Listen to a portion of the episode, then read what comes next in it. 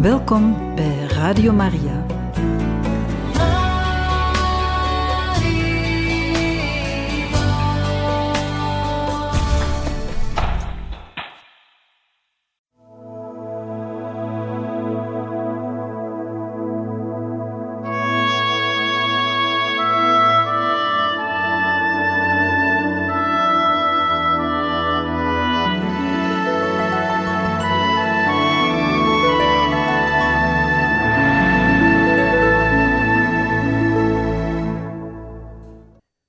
Op 26 september 1928, de dag waarop Gongsa vertrok, vergezelden velen haar tot aan het station van Skopje.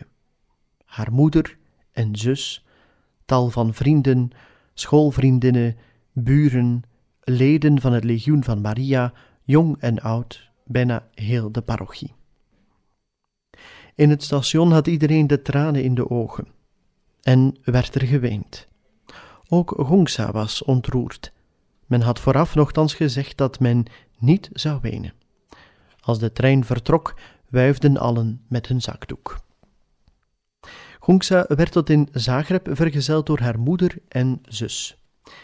In de Kroatische hoofdstad wachtte Gongsa er met nog een andere kandidaat uit Joegoslavië, de 36-jarige Barbara Kainje, om dan definitief naar Ierland te vertrekken.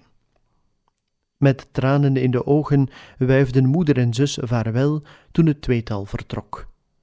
Wanneer de trein Gongsa meenam naar een nieuw leven, kon niemand vermoeden wat de toekomst brengen zou. Feit is dat moeder en dochter elkaar in elk geval nooit meer zouden weerzien. Het afscheid ging niet ongemerkt voorbij.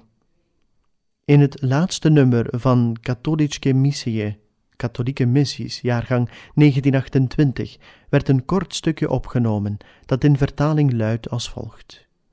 Gongsa Boyakshu is een Albanese, geboortig van Skopje. De roep van de Heer heeft zich van haar meester gemaakt aan het lyceum. Helemaal zoals destijds de heilige Petrus zijn netten achterliet, zo heeft zij haar boeken achtergelaten en is ze vertrokken in naam van de Heer. Allen stonden in bewondering voor haar want ze was de eerste van haar klas en allen waardeerden haar. Ze was de ziel van de activiteiten voor de katholieke vrouwen en van het parochiekoor. Men voelde dat haar vertrek een leemte zou nalaten. In het station van Skopje, toen ze vertrok, waren er een honderdtal personen gekomen om afscheid van haar te nemen. Allen waren ontroerd en weenden. De stap naar de Loreto-zusters was ver van gemakkelijk. De twee aspiranten moesten eerst naar Parijs voor een gesprek met de overste. Met de trein gingen door Joegoslavië, Oostenrijk, Zwitserland en uiteindelijk Frankrijk.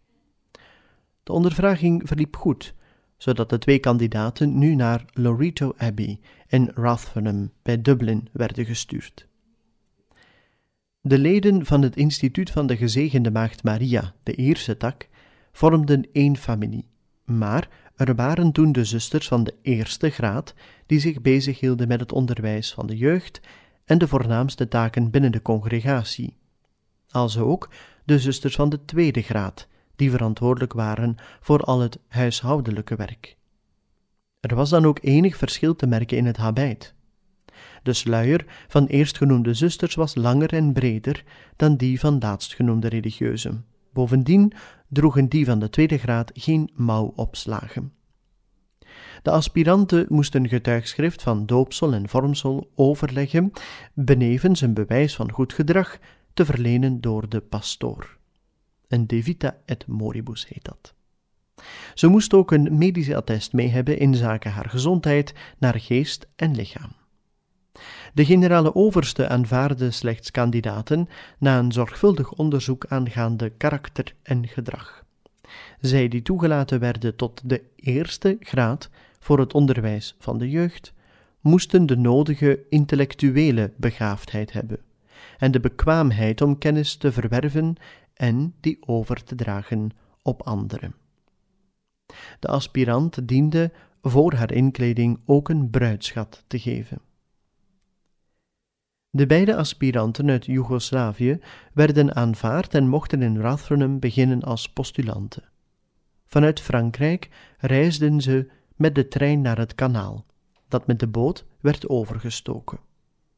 Dan ging het met de trein naar Londen en westwaarts om vervolgens met de boot de Ierse Zee over te steken, om tenslotte het laatste stukje reisweg af te leggen via Dublin naar Rathfarnham. Agnes Boyakshu en Barbara Kanje ontvingen op 12 oktober 1928 de sluier van postulanten en zouden zes weken verblijven in het General Mother House, het generale moederklooster. Op het dagelijkse programma stonden heilige mis, meditatie, geestelijke lezing, benevens de andere geestelijke oefeningen. Veelvuldig biechten en communiceren werd aangemoedigd. De meesteres der postulanten trainde hen in vroomheid en in de tucht van het religieuze leven. En leerde hen hoe ze zichzelf moesten gedragen en omgaan met de anderen. Tijdgenoten van Gongsa Agnes Boyakshu in het, in het postulaat herinnerden zich haar als een vrolijke, opgeruimde, gelukkige postulante. De beide Joegoslavische postulanten waren stipt en gehoorzaam en zeer vastberaden om het Engels machtig te worden. De communicatie met de andere postulanten was niet gemakkelijk, maar eenmaal er vooruitgang werd geboekt in zaken de kennis van de Engelse taal, vlotte het wat beter in de omgang. Agnes Boyakshu was een enthousiaste en zeer intelligente leerlinge. De postulanten werden gedurende hun korte verblijf in Rathfarnham ingeleid in het geestelijk leven. Kloosterzuster worden nam geruime tijd in beslag. De kandidaten werd uiteengezet wat voor soort leven hen te wachten stond. Ze kregen voldoende de gelegenheid om tot een besluit te komen aangaande dat leven dat ze waarlijk wilden. Zij die intraden wisten dat het bijna tien jaar zou duren, vooraleer ze hun eeuwige geloften zouden mogen afleggen. Het was nogal moeilijk om van de Britse autoriteiten de reisdocumenten te bekomen, maar op het einde van november 1928 waren de papieren voor de twee Joegoslavische postulanten in orde, zodat ze zich mochten gereedmaken om met de boot te vertrekken naar Brits-Indië. Ze reisden af op 1 december 1928. Moeder Teresa zou later met dankbaarheid terugdenken aan die hele korte, maar mooie periode in Loreto Abbey, waar ze als wereldberoemde zuster op bezoek zou komen. Met het schip de Marsha vertrokken de twee Joegoslavische postulanten, vergezeld van een zuster, op 1 december 1928. Gongsa Agnes Boyakshu nam afscheid van Ierland en mocht naar Brits-Indië, het land van haar dromen. Het was een lange, vermoeiende zeereis. Er waren ook drie jonge katholieke zusters aan boord, Franciscanessen. Maar de meeste passagiers waren Anglikanen. Er was geen katholieke priester mee, zodat ze gedurende meerdere weken verstoken bleven van de heilige mis en communie, zelfs op kerstmis. Ze vierden dan maar aan boord het kerstfeest op hun manier. De religieuzen improviseerden een kleine kribbe in papier, zongen kerstliederen, baden de rozenkrans en eindigden met het Adeste Fidelis. Op 27 december 1928 kwamen ze aan te Colombo, Ceylon, het huidige Sri Lanka, en werden er opgewacht door de heer Scalon, broer van een van hun zusters, die hen naar het missiehuis van Sint-Jozef bracht. Ze keken verwonderd naar het leven op straat. Er waren de Europeanen met hun elegante kleren, en de inlanders met hun donkere huid en hun bontgekleurde kleren. Het merendeel van hen was half naakt. Men zag duidelijk dat bij hen grote ellende heerste. Wat hen het meest trof, was het feit dat mensen op straat rijtuigen voorttrokken alsof ze paarden waren. Onze religieuzen besloten eensgezind om geen beroep te doen op dit soort voertuigen om zich te verplaatsen. Maar Scalon, die met die gewoonte vertrouwd was, besloot hen met zo'n rijtuigen naar zijn huis te laten voeren. Ze waren verbijsterd en verwonderd, maar moesten het aanbod wel aanvaarden. De zusters konden alleen maar bidden dat de last voor hen licht zou zijn. Ze waren opgelucht toen ze ter bestemming waren. Sanderendaags, 28 december 1928, brachten ze een bezoek aan de zusters van de Goede Herder, bewonderden hun mooie kerk om dan s'avonds weer aan boord te gaan van het schip. Ze ontmoetten tot hun vreugde een Jezuïet die naar Darjeeling ging, in dezelfde richting als zijzelf, en hadden zo elke dag de heilige mis. Het leven aan boord leek niet meer zo triestig. Het ging nu naar Madras.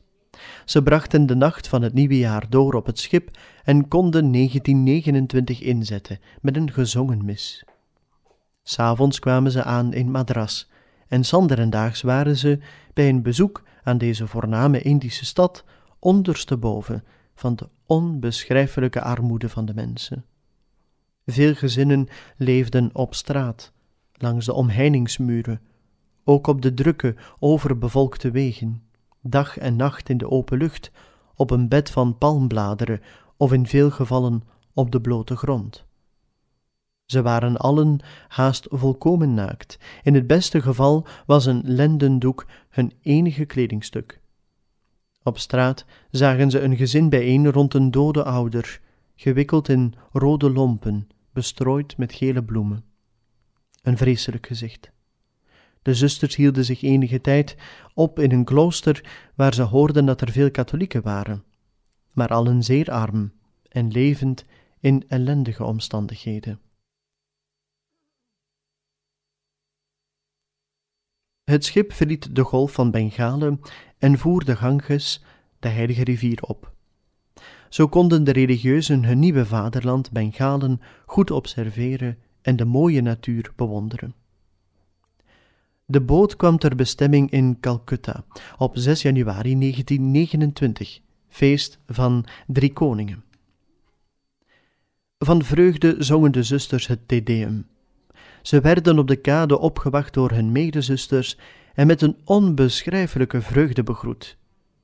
Hadden de drie wijzen weleer kostbaarheden mee in Bethlehem, nu kon niemand vermoeden welke geschenken Gongsa Agnes Boyakshu naar de stad Calcutta en voor de wereld bracht. De Loreto-zusters van Ierland verwierven in 1841 te Entally in Calcutta een grote eigendom die ze kochten met het geld dat hen gelegateerd werd door een rijke protestant, Sir Elijah Impey, de eerste voorzitter van het Hooggerechtshof, die plantages bezat.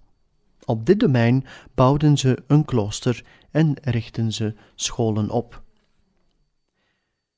De twee postulanten verbleven een week in Loreto House, het provincialaat aan de Middleton Row, waar ze bij hun aankomst in de kloosterkapel de Heer dankten om hun behouden aankomst na zo'n lange reis.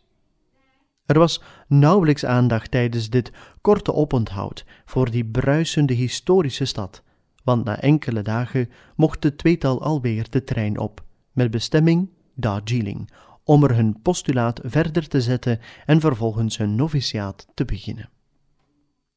De periode van het postulaat duurde minstens zes volle maanden. Vooraleer het noviciaat te beginnen, dienden de postulanten een retraite van ten minste acht volle dagen te doen en, overeenkomstig het oordeel van hun geestelijke leider, een generale biecht te spreken over hun voorbije leven. Op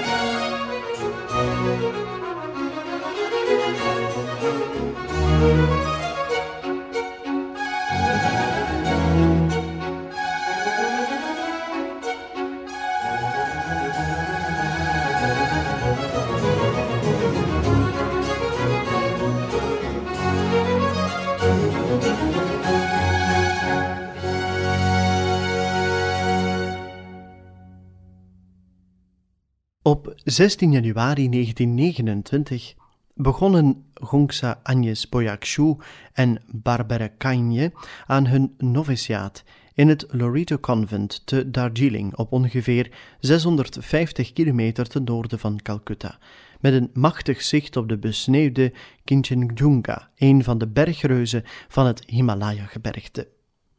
Voor iemand die ervan droomde om te werken in dienst van de armen, was dit chique oord in het voorgebergte toch niet de geschikte plaats, zou men haast denken. Darjeeling was onder het Britse bestuur een populair bergoord waarheen de onderkoning met zijn gevolg bij het begin van het zomerseizoen zijn toevlucht zocht. Gedurende vier maanden was het stadje getuige van een eindeloze reeks bals en tuinfeesten. Tuinfeesten op de perfecte grasvelden van Government House werden bijgewoond door een schare Britse hoge functionarissen, leden van de Raad van de Onderkoning, generaals en rechters in schitterende uniformen. Men zag er ook enige maharajas met hun maharani getooid met juwelen. Zelfs wanneer de hoofdstad van het Britse bestuur verplaatst werd van Calcutta naar Delhi in 1911, en zelfs wanneer de Indische hoofdstad voor het zomerseizoen verplaatst werd naar Simla in het noorden van Brits-Indië, ging het leven in Darjeeling verder als voorheen. Met het verschil dat de hoogste gezagdrager er nu de gouverneur van Bengalen was. Hij vluchtte er met zijn hele staf naartoe, wat ook de rijken van Calcutta deden, om aan de zomerhitte te ontsnappen en van de Himalaya te genieten door wandeltochten en ritjes op de promenade, danspartijen en fuiven in de Gymkhana Club of theepartijen op de grasperken van het regeringsgebouw, met eindeloze vergezichten op de prachtige Kichenjunga in de romantische bergketens van Sikkim en Bhutan. In menig opzicht herinnerde dit oord Agnes Boyakshu aan het landschap van haar eigen geboorteland. Darjeeling was eveneens een uitgelezen centrum van het Britse onderwijs in Brits-Indië. Er waren verschillende onderwijsinstellingen bestuurd door missionarissen en waar de lessen bijgewoond werden door zowel Britse kinderen als enige kinderen van gegoede Indische families. Het Loreto Convent, waarheen de jonge Agnes Boyakshu werd gestuurd, was zo'n instituut. Voor de inkleding moesten de postulanten verklaren in een eigenhandig ondertekend getuigenis dat ze vrijwillig en door een eigen vrije keuze waren ingetreden en trouw de constituties van het instituut zouden naleven. De inkleding van de twee Joegoslavische zusters vond plaats op 23 mei 1929. Monseigneur Perrier, aartsbisschop van Calcutta, aanwezig op de plechtigheid, hield de preek. En zo begon Agnes Boyakshu haar noviciaat, dat twee volle jaren zou duren onder de leiding van de novicemeesteres en de overste. Bij het begin van hun noviciaat ontvingen de novicen een integrale kopie van de constituties, om die te lezen en te overdenken. Gedurende het noviciaat werd de grootste aandacht besteed aan het spirituele. De novicen werden zorgvuldig vertrouwd gemaakt met verschillende vormen van gebed. De wijze waarop het officie gereciteerd werd en de manier waarop het gewetensonderzoek gedaan wordt. De novice-meesteres lette erop dat de aan haar toevertrouwde religieuzen de stilte in acht namen, hun meditatie deden, in hun houding zich als religieuzen gedroegen. Eenmaal per week kregen de novicen een instructie in verband met de christelijke leer. De beoefening van de gehoorzaamheid, naastenliefde, armoede, nederigheid en zelfverloochening werd bevorderd. Het eerste jaar van het noviciaat werd volledig gewijd aan de geestelijke vorming, de studie van de constituties, het gebed, de instructie aangaande de geloften en de deugden. Vandaar dat de novicen van dit zogenaamde kanonieke jaar geen studie van literatuur en letteren kregen en geen werk buiten opgelegd werden. Het tweede noviciaatsjaar verschilde enigszins van het eerste, doordat de novicen iets wat konden studeren en andere werken binnen het noviciaatshuis mochten doen. Doch twee maanden voor de professie mocht de novice geen buitenwerk meer doen, en diende ze zich geestelijk voor te bereiden op de openbare aflegging van de kloostergeloften. En voor dat grote moment was er een tiendaagse retraite of geestelijke afzondering met geestelijke oefeningen.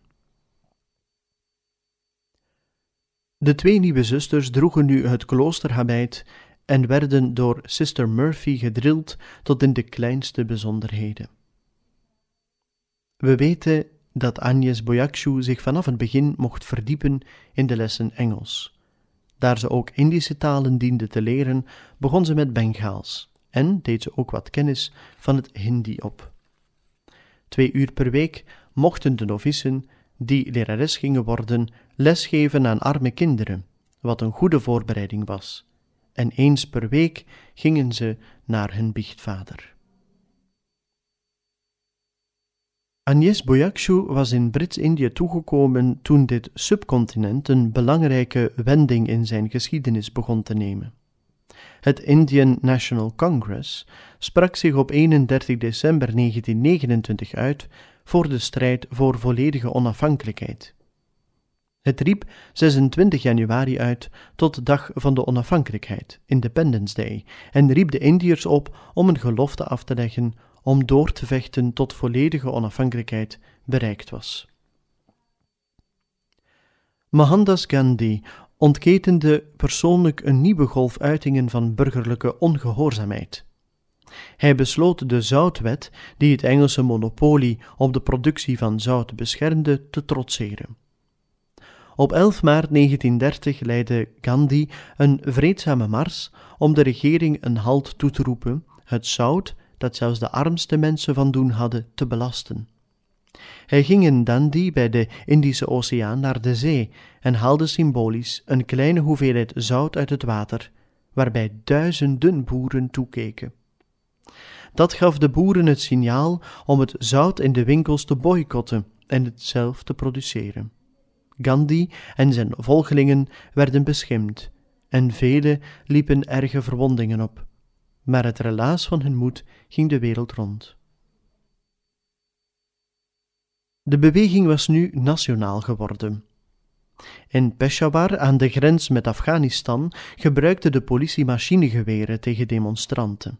In Bombay waren er stakingen en massabetogingen en in Calcutta viel de politie de illegale zoutziederijen aan. In elk dorp uitte men zijn woede tegen de Britten. Motilal Nehru en zijn zoon Jawaharlal, evenals Gandhi, werden gearresteerd en opgesloten, samen met nagenoeg de gehele nationale en provinciale leiding van het Indische Nationaal Congres. Maar de beweging buiten ging onverminderd door. Via tussenpersonen heropende Lord Irwin, de onderkoning, de discussie met de gevangen genomen kopstukken.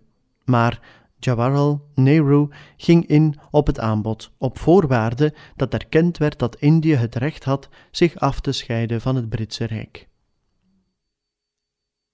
In oktober 1930 waren de Nehru's nog maar pas vrijgelaten, of Jawaharlal Nehru ging alweer bijeenkomsten van boeren bijwonen.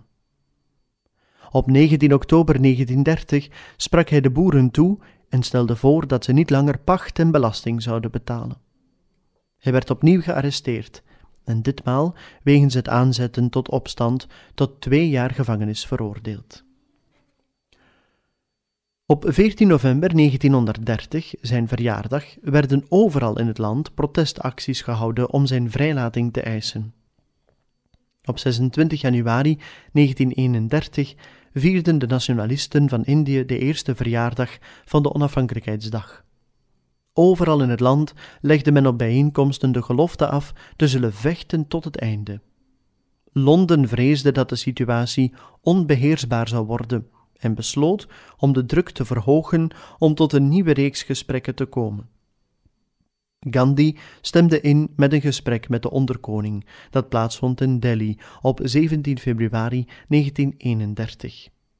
Hij, de enige vertegenwoordiger van het congres, ging akkoord om de zaak van de onafhankelijkheid in Londen te gaan bepleiten.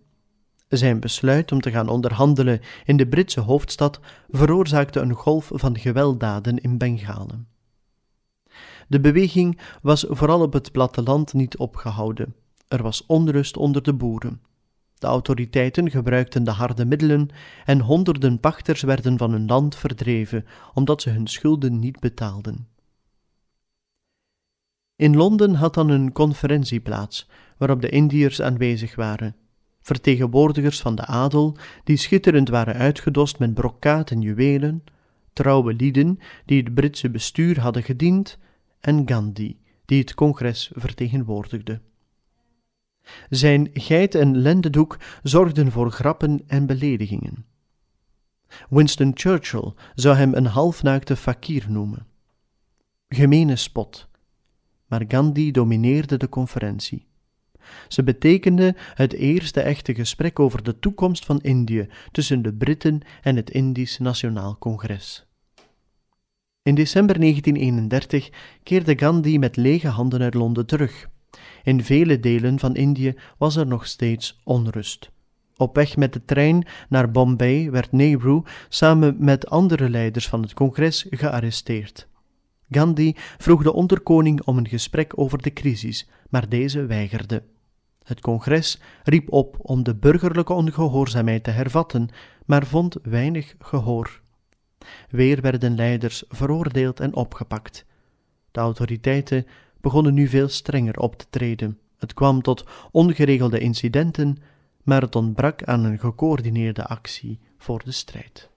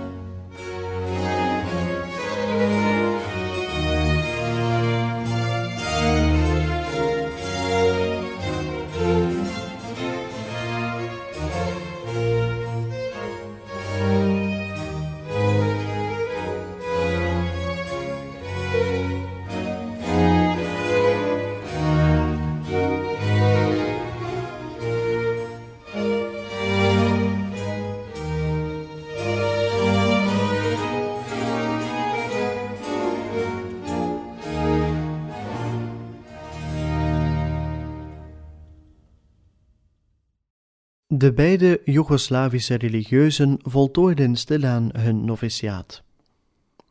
Voor de jonge Agnes Boyakshu zal de overgang naar het actieve leven beslist niet gemakkelijk geweest zijn. Ze werd geconfronteerd met de ellende en de armoede van een volk, maar zo erg had ze het zich, toen ze nog in Skopje was, wellicht niet voorgesteld. Als novice mocht ze dan ook reeds wat helpen bij het verzorgen van de zieken. In het dispensarium van de Loreto-zusters werd ze voor het eerst geconfronteerd met het lijden en de armoede, in zo'n hoge graad dat ze dit voor onmogelijk had geacht. Ze hielp de verpleegsters en was zeer tevreden van het werk, zodat haar oversten besloten dat ze er mocht verder werken. Over een dag in zo'n Bengaals dispensarium of bescheiden medisch centrum schreef ze haar relaas voor katholieke missies. In het dispensarium hing aan de muur een prent van de Verlosser, Jezus Christus, omringd door een menigte ellendelingen. Elke ochtend, vooraleer het werk te beginnen, keek Agnes Boyakshu naar die prent, waarin alles vervat was wat ze er daadwerkelijk ondervond. Jezus, voor haarzelf en voor de zielen. Dan deed ze de deur open.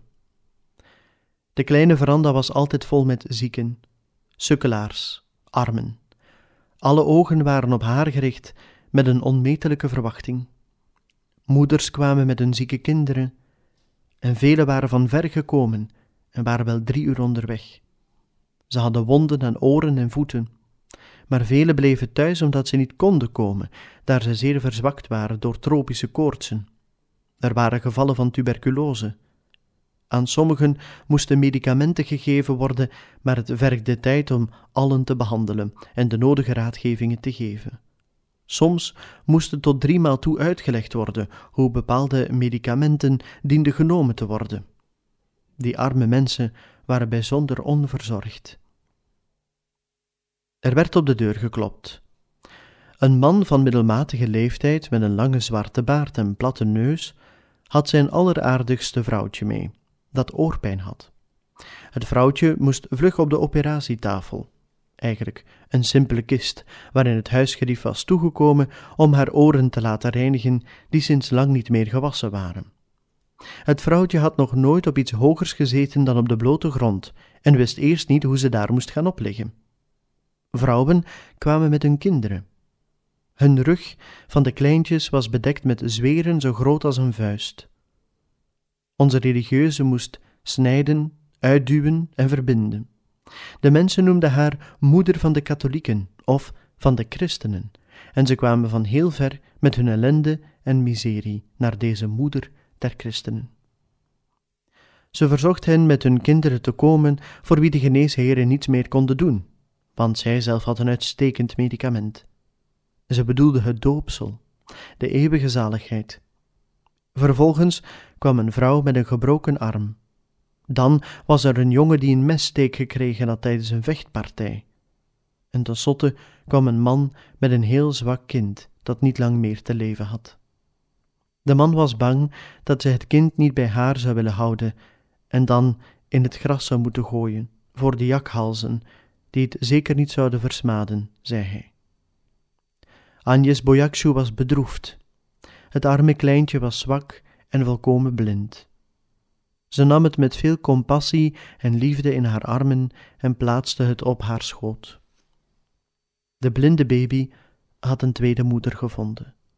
De episode met het kindje was werkelijk de bekroning van haar werkdag. De zuster was zeer tevreden over het werk dat ze mocht doen in het dispensarium te Darjeeling, maar om een of andere reden, was het haar gezondheid of iets anders, zouden haar oversten haar niet lang na haar professie terugroepen naar Calcutta. Op maandag 25 mei 1931, tweede Pinksterdag, legden de beide Joegoslavische zusters, nu hun noviciaat achter de rug was, te Darjeeling hun eerste of tijdelijke geloften af. De professie van de tijdelijke geloften van armoede, kuisheid en gehoorzaamheid vond jaarlijks plaats over een periode van drie jaar. Na drie jaar hernieuwden de zusters hun geloften, nu voor een periode van twee jaar, zodat de hele periode van tijdelijke professie zich dus uitstrekte over vijf jaar.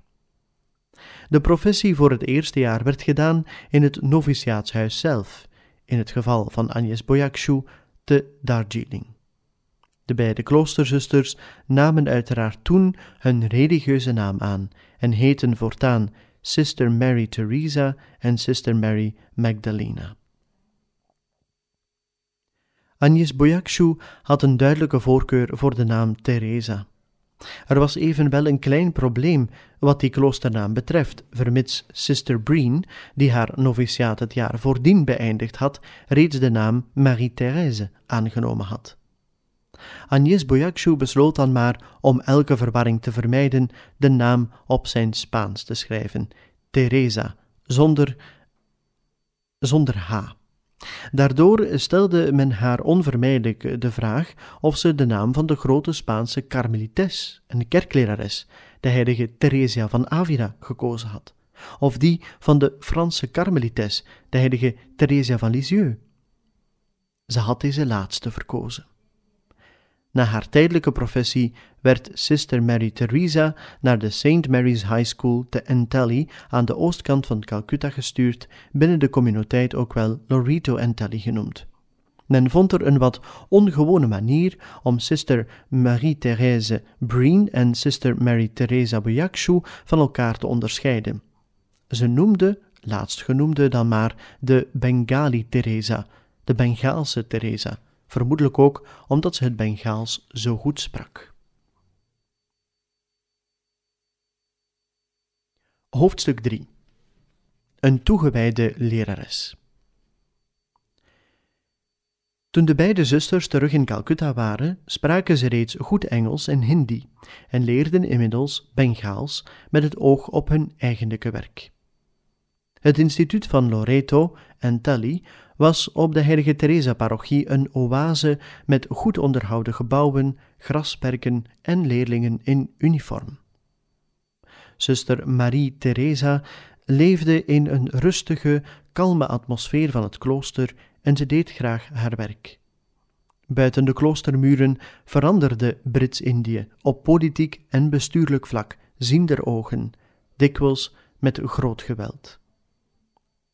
Aan de Loreto Teachers Training School studeerde zuster Mary Teresa voor lerares en eenmaal haar diploma behaald kon ze aan de slag. De zusters leraressen werden op het hart gedrukt het aan hen toevertrouwde opvoedingswerk, een verheven en heilige opdracht, zo goed mogelijk te verrichten. Ze dienden de meisjes de kennis van deugdzaamheid bij te brengen, tot de liefde voor al wat goed is aan te vuren hen zodoende voorbereiden tot levende tabernakels voor God de Heer. Om hun eigen volmaaktheid zeker te bereiken, dienden de meesteressen de naaste liefde na te streven. Hoe groter hun ijver voor de redding der zielen, des te groter de verdiensten die ze bekwamen voor God. De kinderen dienden grondig onderricht te worden in de waarheden en voorschriften van het katholieke geloof, zodat ze die zouden aankleven gedurende alle moeilijkheden en bekoringen en de christelijke leer in hun leven zouden toepassen. De zusters moesten in het hart van de kinderen een heilige vrees voor God inprenten, evenals de haat voor de zonde en het verlangen om zich een en al over te geven aan de liefde en de dienst van God. Ze dienden de meisjes toegewijd te zijn aan hun engelbewaarder en hun patroonheilige, en een tedere devotie bij te brengen voor het heilig hart van Jezus, een kinderlijk vertrouwen te hebben in de Moeder Gods en ze aanzetten om veelvuldig tot de sacramenten te naderen.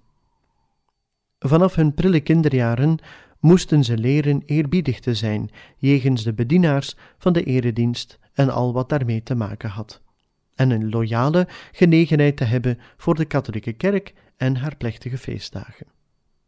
De kinderen dienden aangespoord te worden om te ijveren voor de redding van de zielen. Men diende hen op te voeden in manieren van eenvoud, in verachting van de wereld en medelijden te hebben met armen en lijdenden, hen aan te moedigen tot de lichamelijke en geestelijke werken van barmhartigheid. De meesteressen dienden bij elk kind te peilen naar de aanleg en hen allen te winnen voor Christus. De meisjes dienden aangespoord te worden om, wanneer ze de school verlieten, de luiheid te mijden, evenals gevaarlijk gezelschap, frivole vermakelijkheden, slechte boeken lezen en andere gelegenheden tot kwaad. In hun omgang met de kinderen dienden de religieuzen hen veel meer liefde dan vrees in te boezemen en de groei van ziekelijke eigenschappen tegen te gaan. Ook moesten ze familiariteit met de een meer dan met de ander vermijden. De meisjes dienden aangespoord te worden om hun verplichtingen zorgvuldig na te komen, veel eer met liefde en eerbied dan door dreiging met bestraffing. De nodige berisping diende met tact in plaats van met beledigende en irriterende woorden te gebeuren. Kinderen die onverbeterlijk waren en wiens voorbeeld nadelig was voor de anderen, moesten onverwijld weggestuurd worden. Het onderwijs- en opvoedingssysteem in hun scholen moest aangepast zijn aan de omstandigheden van tijd en plaats, zodat de ouders het meer apprecieerden dan wat de niet-katholieke scholen aanboden. Het studieprogramma moest aangepast zijn en rekening houden met de wensen van de ouders en met het land. De leraressen dienden toe te zien op de keuze van de boeken die gelezen werden, omdat ze niet schadelijk zouden zijn voor geloof en zeden. Grote aandacht diende besteed te worden aan de gezondheid van de kinderen. Allerlei spelen en lichamelijke oefeningen voor de gezondheid dienden ook aangemoedigd te worden. Ze dienden bijzonder netheid van het lichaam bijgebracht te worden, als ook matigheid in eten. De zusters van Loreto dienden er zorgvuldig over te waken dat de traditie van het instituut in zaken onderwijs en opvoeding van de meisjes blijvend hoog gehouden werd. Want dat werd door zowel de kerkelijke als de burgerlijke overheden ten zeerste gewaardeerd.